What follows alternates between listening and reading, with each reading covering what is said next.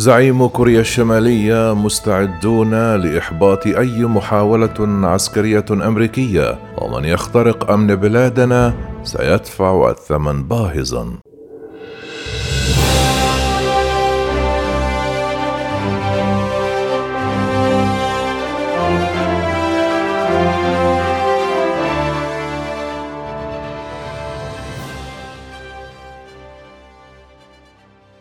أفادت وسائل إعلام رسمية الجمعة أن زعيم كوريا الشمالية كيم جونغ أونغ أمر شخصيا باختبار نوع جديد من الصواريخ البالستية العابرة للقارات.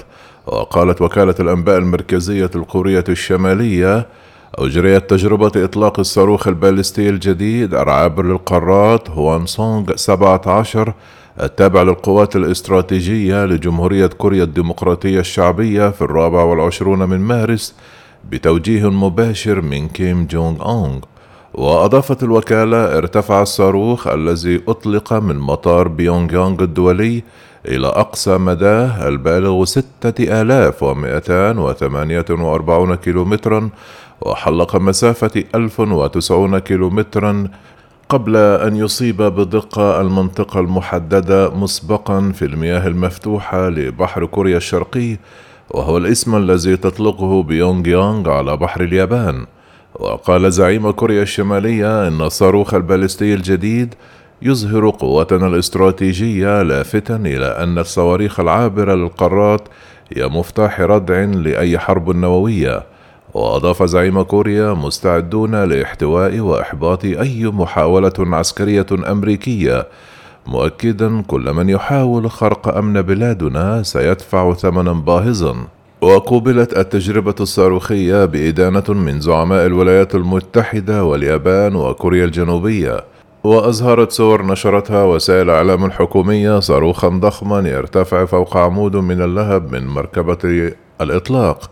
وقدر جيش كوريا الجنوبية مدى الصاروخ الذي اختبر الخميس بستة آلاف ومائتان كيلومتر بما يفوق بكثير مدى آخر صاروخ عابر للقارات اختبرته كوريا الشمالية في أكتوبر من عام 2017 وتجربة الخميس واحدة من أكثر من عشرة تجارب صاروخية أجرتها كوريا الشمالية هذا العام.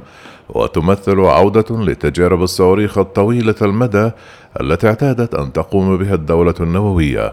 ويرجح أن يكون هذا أكبر اختبار للصواريخ البالستية العابرة للقارات في كوريا الشمالية وللمرة الأولى التي يتم فيها اختبار أقوى صواريخ كيم منذ عام 2017 قال زعيم كوريا الشمالية أن السلاح الجديد سوف يؤدي بشكل موثوق به مهمته وواجبه كرادع قوي للحرب النووية وذلك وفقا لوكالة الأنباء المركزية.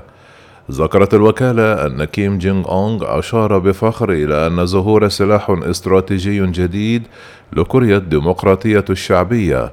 سيجعل العالم بأسره يدرك مرة أخرى بوضوح بأس قوتنا المسلحة الاستراتيجية. وتوقفت التجارب الصاروخية البعيدة المدى بشكل مؤقت منذ أن بدأت لقاءات كيم بالرئيس الأمريكي آنذاك دونالد ترامب في محاولة دبلوماسية سرعان ما انهارت عام 2019 لكن كوريا الشمالية هددت في وقت سابق هذا العام بأنها قد تتخلى عن الحظر الذاتي الذي تفرضه على تجاربها الصاروخية البعيدة المدى والتجارب النووية محذرة الولايات المتحدة وكوريا الجنوبية من أنها تستعد لإطلاق صاروخ باليستي عابر القارات بمداه الكامل. ولطالما أرادت كوريا الشمالية امتلاك صواريخ باليستية يمكنها حمل رؤوس حربية متعددة. وتقول سول وواشنطن أن بيونغ يونغ تختبر صاروخ هواسونغ 17 تحت غطاء تطوير قمر صناعي للاستطلاع.